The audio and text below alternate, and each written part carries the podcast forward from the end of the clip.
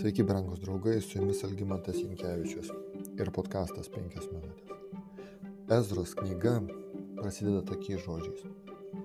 Pirmais Persijos karaliaus Kyro metais, kad būtų įvykdytas per Jeremiją tartas viešpatė žodis, viešpats įkvėpė Persijos karalių Kyrą visai karalystė ir žodžiu ir raštu paskelbti tokį įsaką. Taip kalbėjo Persijos karalius Kyras, viešpats, dangaus dievas, atidavė man visas žemės karalystės ir pavedė man pastatyti jam namus Jeruzalė, kuri yra Judė. Visi, kas iš jūsų priklauso jo tautai, te būna jūsų Dievas su jais. Tiesileidžia kelioninį Jeruzalę, Judę, atstatyti viešpaties Izraelio Dievo namų Jeruzalėje. Visus išlikusius, kad ir kur jie gyventų, te paremė jų vietovių žmonės auksų ir sidabrų daiktais ir galvėjais kartu su geros valios atnašomis Dievo namams Jeruzalėje. Dievas paveikė persų valdovą taip, kad jis įvykdė Dievo planus ir įvykdė Jeremijo pranašystę viešpatės numatytų laiku. Pats viešpas daugiau nei prieš šimtą metų iki Kyro gimimo pateikė pranašystę apie karalių Kyrą. Izaijas rašo apie jį. Aš tas, kuris tarė Kyrui, tu mano kerčius. Visa, ką aš noriu, jis įvykdys, jis tarsi Jeruzalėje būka statyta, o apie šventyklą sakys, te būna dedami pamatai.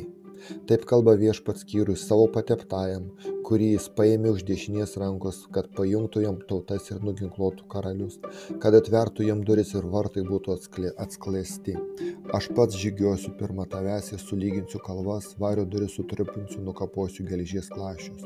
Tavo atiduosiu paslėptus turtus, slaptas sankobas, kad žinotume, jog aš viešpats Izraelio Dievas, kuris šaukia tave vardu.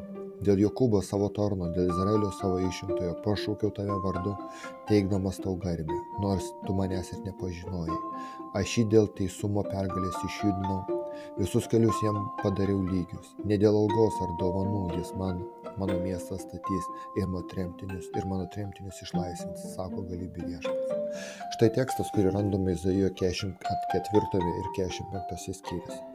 Kyras turėjo būti labai nustebęs sužinojęs, kad senovės Izraelio pranašystės jie pavadino vardu, numatė Babilono karalystės užkariavimą ir nulėmė jo politiką nelaisvėje gyvenančių Izraelitų atžvilgių. Viešpats jį vadina jį savo ganytoju. Tiesą sakant, labai pelnytai, nes Kyras padarė daug daugiau izraelitams nei daugelis ankstesnių izraeli, izraelitų karalių kartu sudėjus. Užėmės Babiloną ir išlaisvinęs Izraelitus Kyras Izraeliui padarė tai, ką Kristus padarys dvasiniam Izraeliui, savo išrinktiesiems, nuvertęs apriškimo knygoje 18 skyriuje aprašytą dvasinį Babiloną išlaisvinavo savo žmonės iš jo viešpatavimo. Titulas pateptasis, kurio viešpats vadina Kyra arba hebrajų kalba Mišiach, Mašiach, buvo taikomas tiek vyriausiam kunigui, tiek karaliui. Ta pati titulą turėjo Jėzus iš Nazareto, vadinamas Kristumi, tai yra pateptoji. Jis buvo pateptas šventąją dvasę.